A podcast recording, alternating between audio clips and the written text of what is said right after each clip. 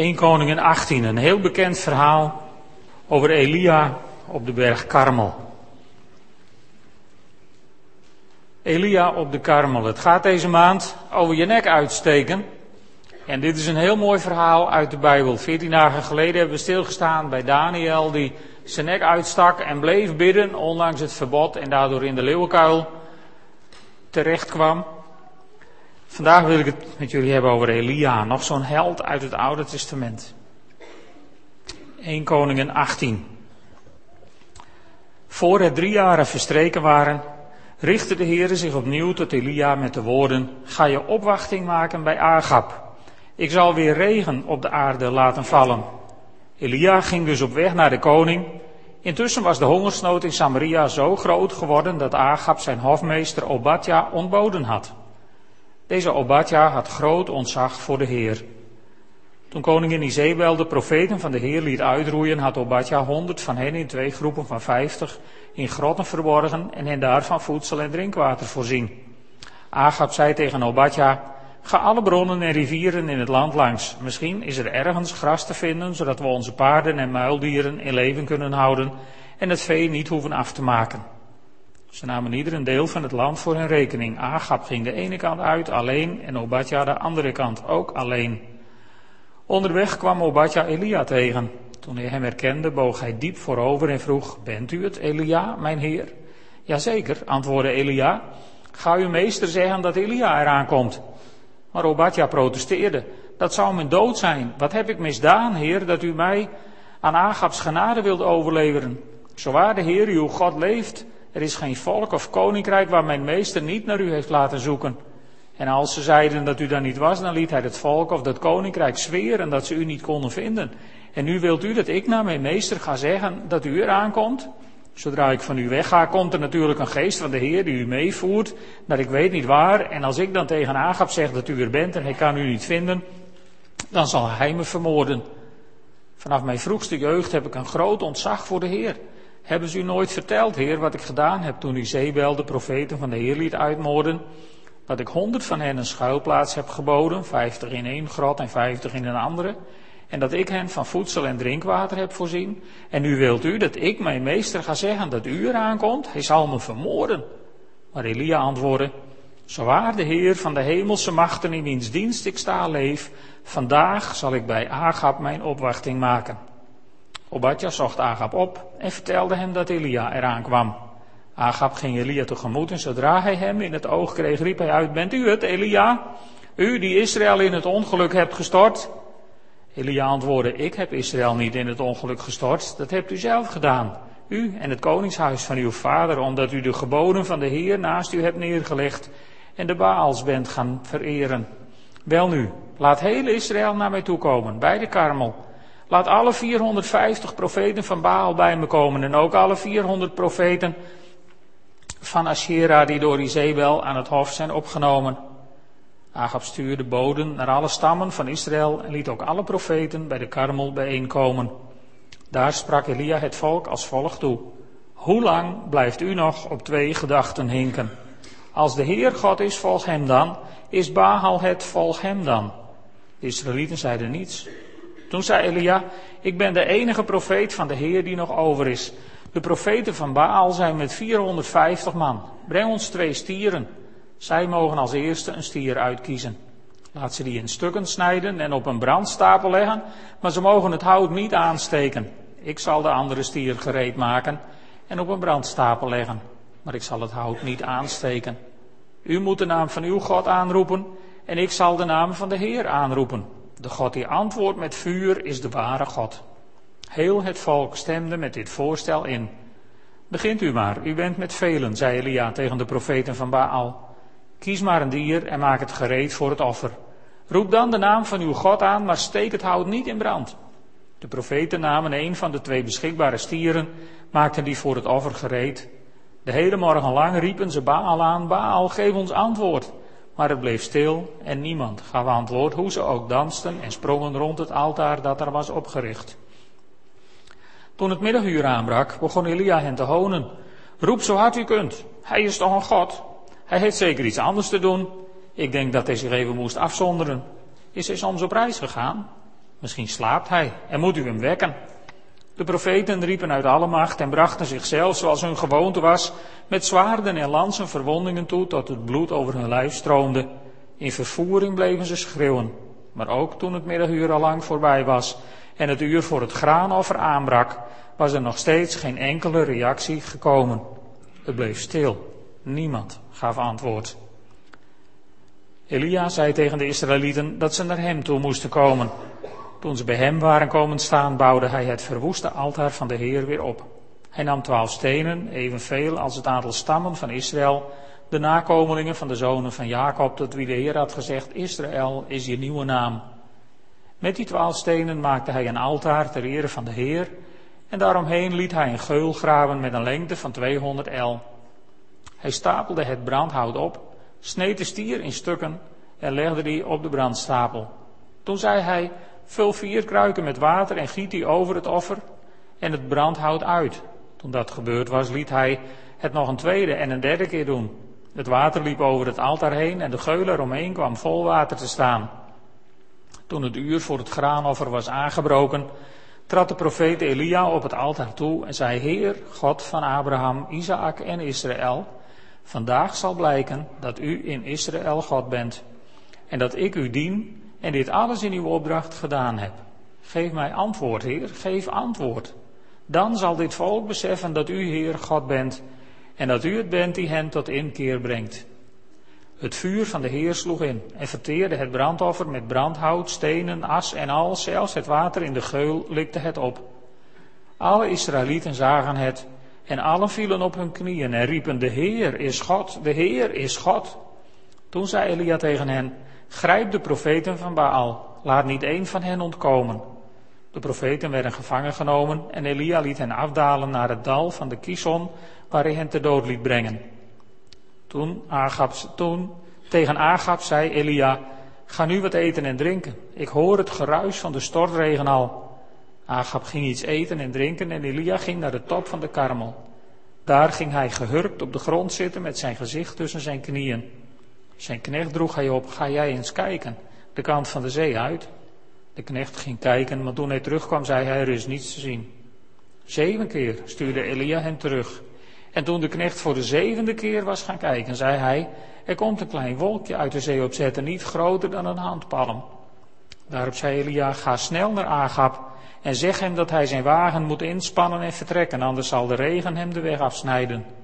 In minder dan geen tijd werd de hemel verduisterd door wolken, stak de wind op en barstte er een enorme regenbui los. Tot zover. Je nek uitsteken. Elia had geprofiteerd dat het drieënhalf jaar niet zou regenen in Israël. En dat zinde de koning niet. Dus Elia was gevlucht, had onderdak gevonden bij een weduwe in Sarfat, tegenwoordig in Libanon denk ik ergens. En nu kwam de tijd dat God zei, Elia het is tijd om terug te gaan naar huis. Een boodschap brengen aan Agab, want ik ga het weer laten regenen. En met die belofte onder de arm ging Elia op weg naar zijn land. In vol vertrouwen dat God hem zou beschermen. En dat God ook zou doen wat hij hem beloofd had. In dat vertrouwen stak Elia zijn nek uit en hij ging op reis. En toen gebeurden er een aantal dingen die ons soms ook gebeuren als we onze nek uitsteken en op reis gaan. Elia ging op reis in vertrouwen. En het eerste wat we tegenkomen, dat zijn twee enorme vijanden voor het vertrouwen wat je soms kunt hebben, waar je vertrouwen ontzettend onder kan lijden. Twee dingen. Het eerste wat ik wil noemen, dat, dat noem ik even het, het scenario denken. Het denken in scenario's die er niet zijn, maar waarvan je uitgaat, of waarvan je op zijn minst uitspreekt dat ze zullen gebeuren. In vers 12, daar zegt Obadja iets heel bijzonders. Zodra ik van u wegga, komt er natuurlijk een geest die u meevoert naar ik weet niet waar. En als ik dan tegen Agab zeg dat u er niet bent en ik kan u niet vinden, zal hij mij vermoorden.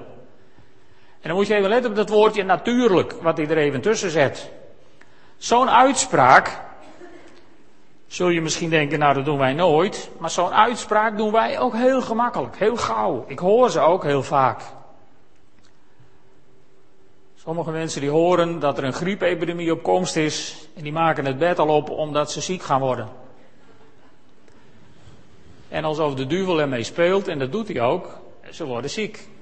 Want je hebt een soort vervloeking over jezelf uitgesproken. Dat zijn van die self-fulfilling prophecies die altijd werken. Het gaat altijd op. Dus pas op wat je uitspreekt. Dit scenario denken, dat, dat is zo'n grote vijand van het vertrouwen wat je in God kunt hebben. Omdat je eigenlijk uitspreekt dat je God voor geen haar vertrouwt. Het is wantrouwen aan God en bovendien het is een ingangspoort voor de duivel om je, om je daarop aan te vallen. En het tweede wat we tegenkomen, wat dat scenario, of wat dat vertrouwen enorm in de weg gaat staan, dat komt uit de mond van Elia zelf. En dat zou ik zelf medelijden willen noemen vandaag. Want in vers 22 begint Elia zijn toespraak met ik ben de enige die nog overgebleven is. Terwijl Obadja hem net koud had verteld dat hij er honderd had verstopt in twee grotten. Die hij verzorgd had tot nog toe met eten en drinken. Dus hij was niet de enige, er waren sowieso nog honderd. En als hij later in opdracht van God bij de berg Sinai is aangekomen, dan zegt God, ik heb er 7000 overgelaten. Elia, je was helemaal niet de enige. En, en dit zelfmedelijden, Elia spreekt het uit en dat breekt hem de volgende dag gelijk op. Als wel even boos tegen hem doet, dan moet je eens kijken. Dan hoe vaak hij dan mekkert van, oh, ik ben de enige poor little me. En zo zit hij daar in de woestijn, zielig te zijn, na zijn geweldige avontuur met God. Dat lag niet aan God, dat lag aan Elia. En dat ligt op die manier vaak ook aan ons. En, en Paulus die heeft ons in het Nieuwe Testament geleerd dat het anders moet. In Romeinen 12, vers 2, daar zegt hij in de NBG-vertaling, die vind ik nog steeds hier het allermooiste. Daar staat hij, wordt hervormd door de vernieuwing van uw denken. Opdat ge moogt erkennen wat de wil van God is. Het goede, het welgevallige en het volkomene. Niet Agap gaat me zeker vermoorden. Niet, oh, ik ben de enige overgeblevene, zo zielig. Nee. Word hervormd door de vernieuwing van je denken, opdat je zult herkennen wat de wil van God voor je leven is. Het goede, het welgevallige en het volkomene. Dat moeten we gaan zien. En, en, en, en dat wordt met ons gedaan. Dat moeten we willen ondergaan.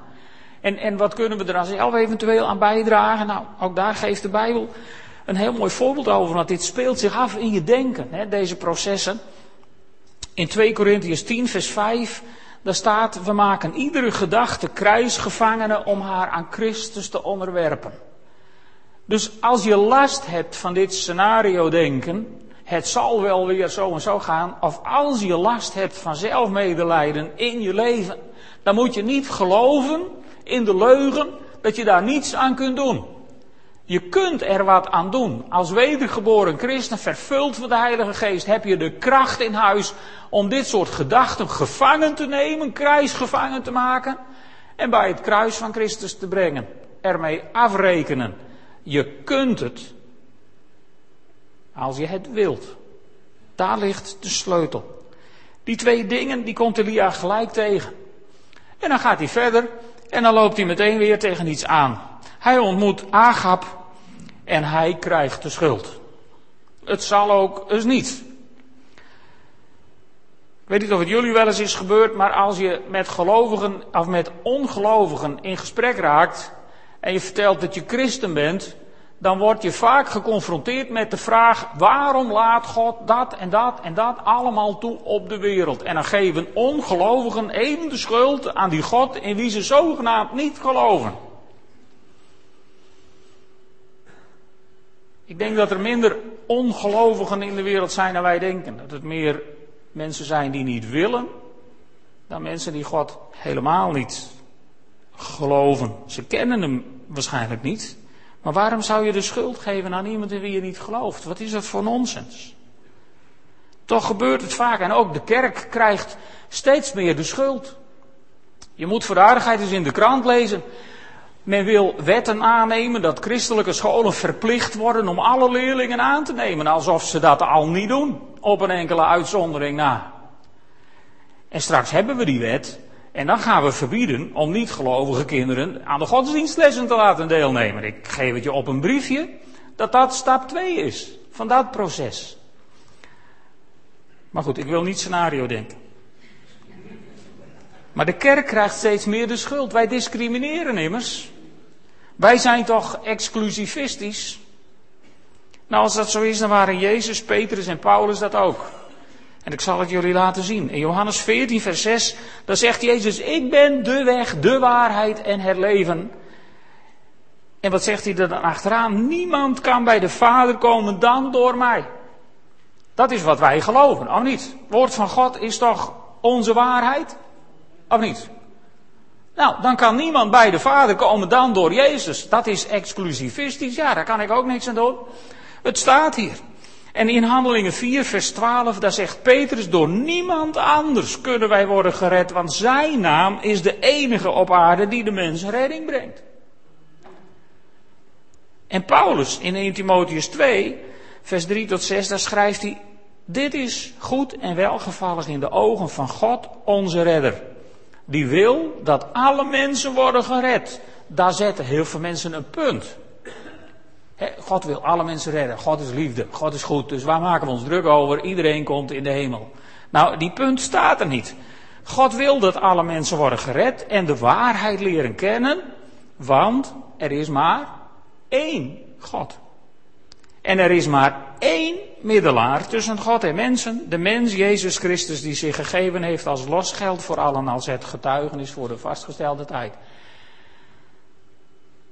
Dus zijn wij exclusivistisch? Ja, absoluut. Zijn andere religies dat ook? Ja, absoluut. Er is geen moslim op aarde die gelooft dat een christen ook bij Allah in hemel komt. Daar hoef je geen illusies over te koesteren. En ook geen hindoe en ook geen boeddhist en wat voor merken er nog maar meer zijn. Vergeet het. Vergeet het. Dat hoort erbij. Alleen christenen krijgen het tegenwoordig als verwijt voor de kiezer. Maar goed, daar gaan we even niet mee bezig zijn. We gaan even kijken naar het plaatje. Want dan spreekt Elia het volk aan. En dan zegt hij, hoe lang blijven jullie op twee gedachten hinken? Hij gebruikt een Hebreeuwse uitdrukking. Die, die, nou, die eigenlijk betekent, die eigenlijk gaat over een vogel die van de ene tak op de andere springt. Van de hak op de tak zouden, iets wat wij ook roepen. Maar, maar op twee gedachten hinken. Zoiets. Want het volk Israël, dat hinkte op twee gedachten. En daarom antwoorden ze niet op die vraag van Elia. Ze kunnen ook niet antwoorden. Want de meerderheid van het volk in die tijd leek ongelooflijk veel op, op niet meer op het volk van Nederland, maar wel op de kerk van Nederland, op de gelovigen in dit land, christelijke mensen. Maar heel veel christelijke mensen in dit land gaan zo langzamerhand uit als het gaat over keuzes maken van het en-en. Hoe vaak horen we niet van ja, maar, maar God en Allah en, en Boeddha en, en ik weet niet hoe ze allemaal heten. Maar het is toch allemaal hetzelfde. Het is toch allemaal die godheid in de hemel en, en welke religie je ook aanhangt. We komen toch uiteindelijk allemaal. Dat zijn geen heidense denkbeelden. Hè? Want een heiden die nergens in gelooft, gelooft nergens in. Dus die gaat dit soort onzin ook niet verkondigen. Dit komt uit christelijke monden. Dit soort woorden, dit en en denken van nou, maar alle wegen leiden misschien wel naar Rome, maar niet alle wegen leiden naar onze behoudenis in de eeuwigheid. Ik kan het niet anders zeggen. Het volk in en en. En de vraag die Elia stelde, of of Baal is God, of Yahweh is God, die vraag, daar waren ze nooit eens mee bezig. Ze geloofden niet eens in de noodzaak van die vraag. En daarom hinkten ze op twee gedachten. Ze waren kennelijk vergeten wat Jozua het volk voorhield aan het eind van zijn leven. In Jozua 24, vers 15, waar hij het volk voorhoudt dat ze voor de Here moeten kiezen. En dan zegt hij tegen de mensen, en als je daar niet toe bereid bent, kiezen voor de Heer, kies dan wie je wel wil dienen. De goden van je voorouders ten oosten van de Eufraat, of de goden van de Amorieten, eh, of, of, nou ja, noem ze maar op. Hij zegt, dan moet je kiezen, want niet kiezen voor God is kiezen voor iemand anders. Niet kiezen voor God betekent niet niet kiezen. Een mens kan niet niet kiezen. Dat is onmogelijk. Je kiest voor het ene of het andere. Maar wij, ik en mijn gezin, zegt Jozua dan, wij zullen de Heeren dienen. Een prachtig voorbeeld waar dit volk al lang niet meer aan toe was en waar ons volk ook al heel lang niet meer aan toe lijkt te zijn.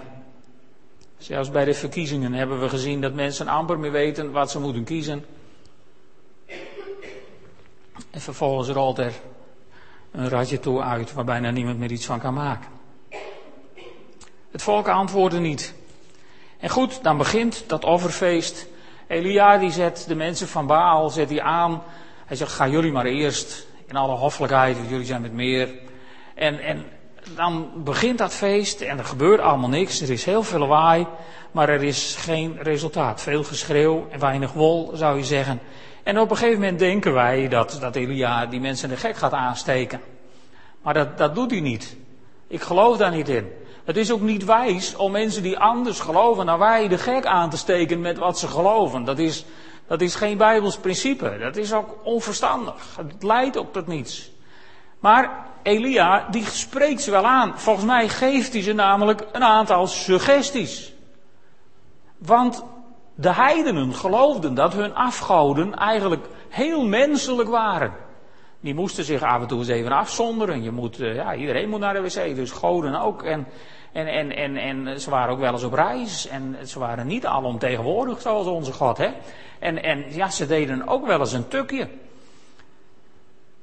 En Elia die rijdt ze die dingen aan. Misschien is hij op reis, misschien moet je hem terugroepen, misschien, misschien slaapt hij wel. Moet je hem vriendelijk wakker maken, zodat hij met het goede been uit bed stapt en, en toch doet wat je wil. En Elia probeert ze met enige cynisme, waarschijnlijk toch wel, te helpen. En aan de andere kant zet hij een hele mooie tegenstelling neer.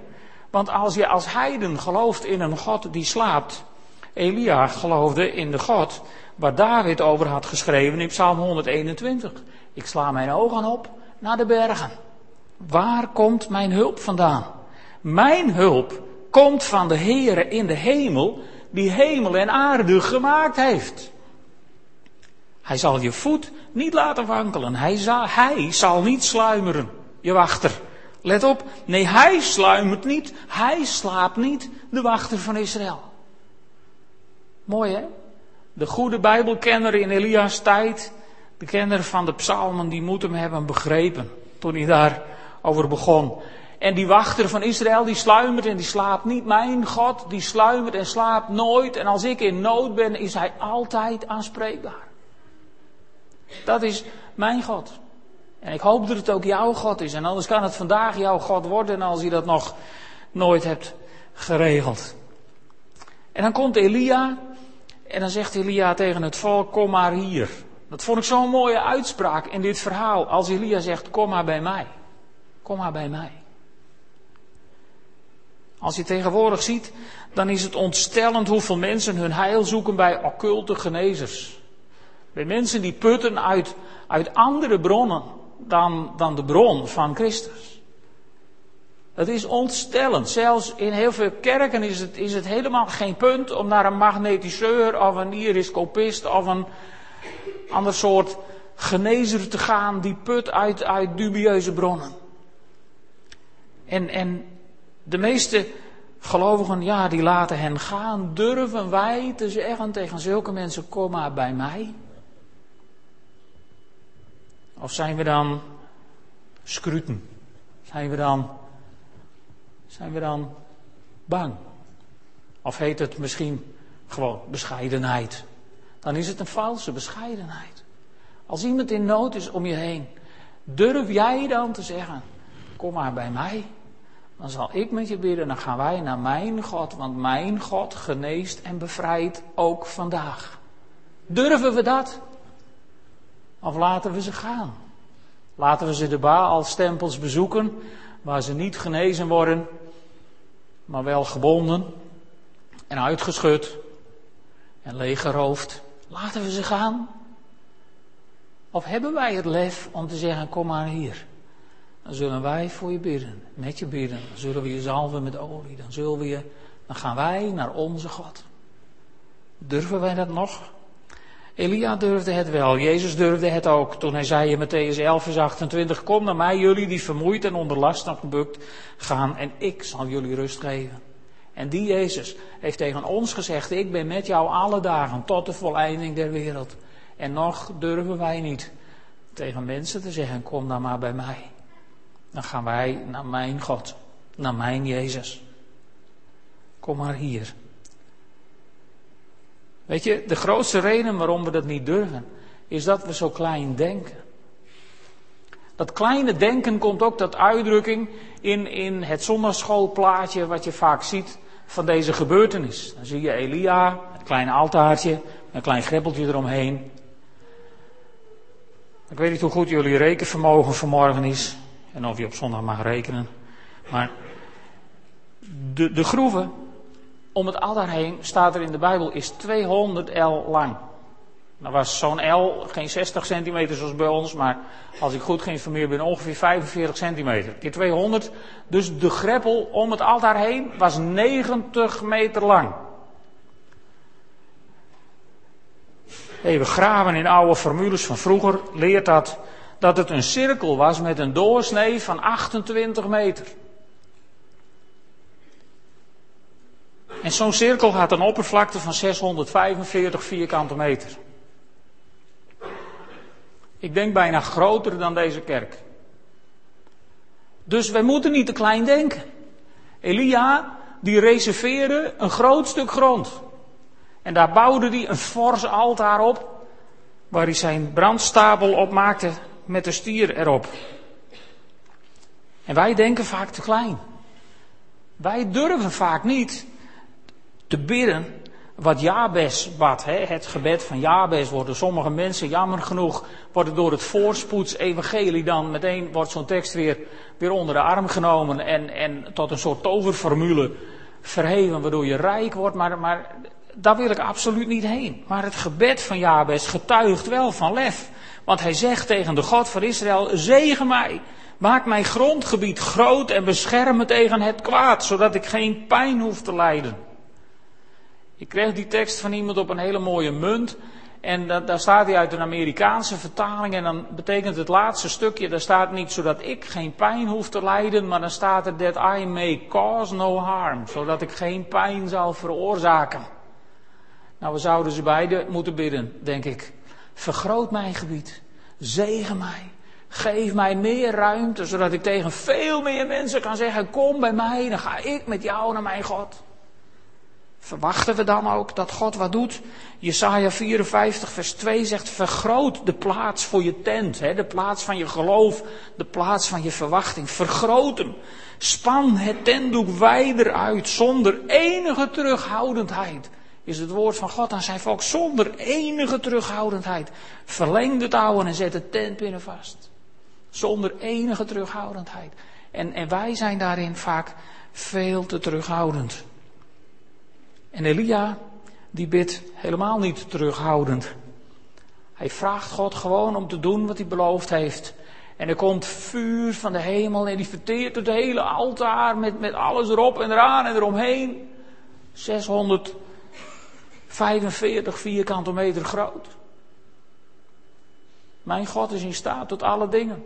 Dan lees je in commentaren van nou die 200 meter is vast symbolisch bedoeld, want dat kan allemaal nooit en zo groot en bla bla. En wat is het voor geneuzel? Mijn God kan alles. Al was het 6000 vierkante meter groot geweest, was het voor God nog geen probleem geweest. Gewoon een beetje vuur, meer, klaar. Het gaat nergens over. Mijn God kan alles. Dus het was groot. En wij moeten groot leren denken. Net als Elia groot leren denken toen God hem aanspoorde om dit te doen. En dan gaat Elia bidden. En, en, en hij bad twee keer hè, in dit verhaal. Twee keer. Elia bidt eerst om vuur en de tweede keer bidt hij om regen. De eerste keer bidt hij in het openbaar, groot staande, die grote man van God. De tweede keer bidt hij als een heel klein mensje, geknield, met zijn hoofd op zijn knieën, tot de Heere. De eerste keer was er onmiddellijk een overdonderende verhoring door een enorm vuur van de hemel. En de tweede keer moest hij zeven keer bidden voordat er een kleinigheid zichtbaar werd. Voordat er een kleinigheid zichtbaar werd. En dan haalt later in het Nieuwe Testament de apostel Jacobus Elia aan als het voorbeeld van een krachtig gebed. En hij zegt daarbij, het krachtige gebed van de rechtvaardige vermag veel. En het typisch is, dan verwijst hij niet naar het gebed op de karmel, waar na één gebed een kwak vuur uit de hemel valt, waar je stijl van achterover slaat. Dan verwijst hij naar die klein geworden Elia, die op zijn knietjes met zijn hoofd op zijn knieën, zeven keer tot God moet bidden, voordat er een wolkje als een manshand uit de zee begint te reizen. Daar wordt naar verwezen. Opvallend is dat, want dat is juist het voorbeeld van krachtig gebed. Hoe kan het nou? Elia had toch de belofte dat hij regen zou krijgen.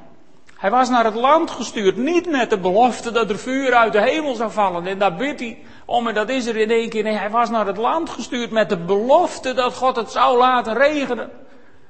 En hij bidt er een keer om. En de doorsnee christen zou gezegd hebben van nou, dit is klaar. We hebben erom gebeden en we hebben de belofte. Wij gaan over tot de orde van de dagen. De Heer is nu aan God. Zo gaan wij toch met dingen om. Ik hoor heel vaak van mensen ja, daar heb ik een keer om gebeden en God heeft het nog niet gedaan. Dus ja, nou ja, zijn probleem. Nee, Elia die, die redeneert niet zo. Elia die zegt van, ik, ik heb de belofte, ik ben gegaan en nu ben ik ervoor aan het bidden en ik heb het niet, dus ik blijf ervoor bidden.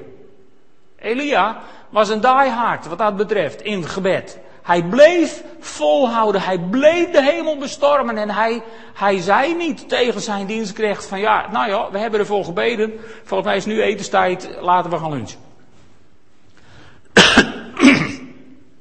Integendeel, Elia die blijft ervoor bidden. En die arme jongen, maar berg op, berg afvallen. Naar boven, niks. Naar beneden, er is niks. Nog een keer kijken, weer naar boven, weer niks, weer naar boven. Zeven keer. Zeven keer. Je zou het heen en weer ervan krijgen. En maar weer naar boven. En, en dan komt hij de zevende keer, komt hij beneden. En dan zegt hij van, nou ja, het, is weer niks. Nou ja, nou ja. Een wolkje als een manshand zie ik opstijgen uit de zee. En dan zegt Elia, ren naar Aga toe en zeg dat hij moet maken dat hij thuis komt, want anders dan strandt hij direct in de regen. Een wolkje als een mans hand. Ben je dan gestoord of ben je dan profeet? Nou, Elia was profeet. En weet je, dat vind ik dan zo krachtig.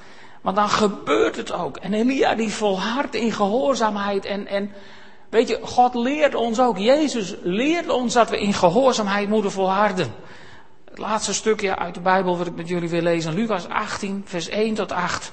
Daar vertelt Jezus een gelijkenis over de noodzaak om altijd te bidden en niet op te geven. Er was eens een rechter in een stad die geen ontzag had voor God en zich niets aan de mensen gelegen liet liggen. Er woonde ook een weduwe in die stad die steeds maar weer naar hem toe ging met het verzoek: Doe mij recht in het geschil met mijn tegenstander. Maar lange tijd wilde hij dat niet doen. Ten slotte zei hij bij zichzelf: Ook al heb ik geen ontzag voor God en laat ik mij niets aan de mensen gelegen liggen, toch zal ik die weduwe recht verschaffen omdat ze me last bezorgt. Met andere woorden, in goed Nederlands zei hij: Ik wil nou eindelijk wel eens van dat gezeur af zijn, laat ik het regelen. En, en dat zegt hij dan ook, anders blijft ze maar eindeloos komen en vliegt ze me nog aan. Toen zei de Heer, luister naar wat de rechter zegt, al minacht hij ook het recht. Zal God dan niet zeker recht verschaffen aan zijn uitverkorenen, die hem daar een keer om gebeden hebben? Grapje, dat staat er niet. Zal God dan geen recht verschaffen aan zijn uitverkorenen die dag en nacht tot hem roepen? Of laat hij hen wachten? Ik zeg jullie dat hij hun spoedig recht zal verschaffen. Maar als de mensenzoon komt, zal hij dan nog geloof vinden op aarde. En dan bedoelen we niet het geloof dat God bestaat enzovoort. Nee, zal hij dan nog mensen op aarde vinden die zoveel geloof hebben dat ze dag en nacht tot God roepen in de verwachting, in het vertrouwen, in het geloof dat God gaat doen wat hij in zijn woord heeft beloofd. Als Jezus terugkomt, zal hij dan nog zulke mensen vinden? Ja, maar je kunt toch niet dag en nacht tot God roepen? Natuurlijk kun je dag en nacht tot God roepen. Als je een kind van God bent geworden en je bent vervuld met de Heilige Geest, dan zal de Heilige Geest in je bidden met onuitsprekelijke verzuchtingen, zegt het woord. Ook als je slaapt, ook als je het druk hebt, ook als je hoofd bezig is met hele andere dingen, omdat je nou één keer gewoon je werk moet doen, dan nog bidt de Geest in je met onuitsprekelijke verzuchtingen. En dan bidt de geest in je vaker in tongen dan je denkt, dan je in de gaten hebt. En soms mag je even meedoen. Soms meng je je even in met gewone woorden en met gewone gedachten. Maar als je, als je jezelf aan God overgeeft, als je alles aan God overgeeft, zoals we ook hebben gezongen, dan zal de Heilige Geest in jou voortdurend biddend in gesprek zijn met de Vader in de hemel. En dan is dag en nacht tot Hem roepen, lieve mensen. Dat is net zo natuurlijk geworden dan dag en nacht ademhalen. En dat is je misschien nog nooit opgevallen, maar dat doe je ook. En net zo goed als je dag en nacht ademt, moet je geest dag en nacht in verbinding zijn met de Vader in de hemel. In die volharding, in die volharding ligt het geheim van Elia. Hij laat ons hier het voorbeeld zien aan het eind van dit verhaal. Dat hij ondanks de belofte volhardend blijft bidden. En dan is het getal zeven daarin misschien wel veel symbolischer dan we in de gaten hebben. Het getal zeven wat in de Bijbel staat voor volheid. Hij bleef volhardend, onafgebroken, onophoudelijk bidden om die belofte van regen. En de regen, die kwam. Durven wij onze nek uit te steken? Daar wil ik volgende week met jullie over nadenken. Durven wij het? Weet je, Daniel stak zijn nek uit en overleefde de leeuwen. Elia stak zijn nek uit en hij won de offerwedstrijd. Maar hij bracht ook het hele land. Regen. Hij bracht het land niet alleen maar water, hij bracht het land nieuw leven. Want aan het begin van het verhaal hebben we kunnen zien dat ze eraan toe waren om al het vee af te maken en alles op te ruimen. Het was de dood in de pot na drie jaar geen regen in zo'n land. Want zij konden niks binnenlaten uit het IJsselmeer, wij wel, maar zij niet. Drie jaar droogte was dodelijk voor die mensen.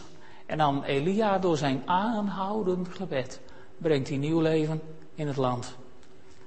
Misschien maak je je na de afgelopen verkiezingen ook zorgen over dit land.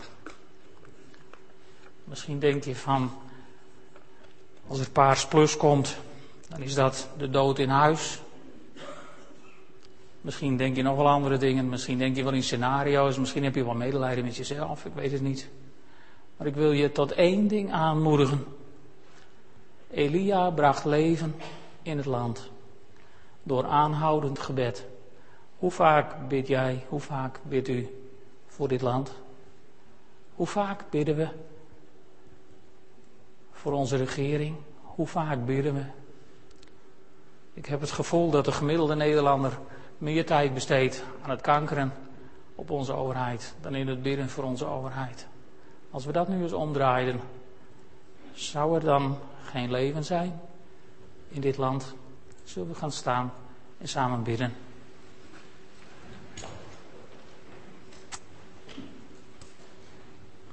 Vader in de hemel, u kent onze situaties. U kent onze gedachten. U kent onze ingeslopen gewoontes. U kent ons, Heer, als we soms in dat scenario denken vallen en ons allemaal dingen voorstellen die er niet zijn. U kent ons ook als we vallen in de put van zelfmedelijden. U kent ons ook als we ons zorgen maken over hoe het komt met ons land, met de economie, misschien wel met ons bedrijf, als we dat hebben, of met ons inkomen. Of met onze hypotheek, die toch wel wat hoger was dan had gemoeten. U kent ons, Heer, u kent ons allemaal. En ik bid u om één ding. Bemoedig ons door de beloftes uit uw woord. Heer, geef ons een glimpje van hoop, een wolkje als een manshand wat uit de zee oprijst. En maak ons dan door uw Heilige Geest, Heer, zo vol van geloof. Dat we zullen getuigen van de grote daden Gods voordat we ze hebben gezien. Zoals Elia getuigde voordat er één drup water was gevallen. En laat ons, alstublieft, Heer, bidders worden die dag en nacht tot u roepen. Heere God, maak ons tot een volk, wat dit volk weer leven brengt. Leven. Leven. Door die zachte regen van uw Heilige Geest. O Heer, wees ons genadig. Zet ons op een plek waar wij onze nek mogen uitsteken tot zegen van ons land, Heer. Vergroot ons gebied. Help ons om onze tent zo wijd te spannen. Leer ons groot te denken. Groot te denken. In de kaders van uw woord. Dat bid ik van u in de naam van Jezus Christus. Amen.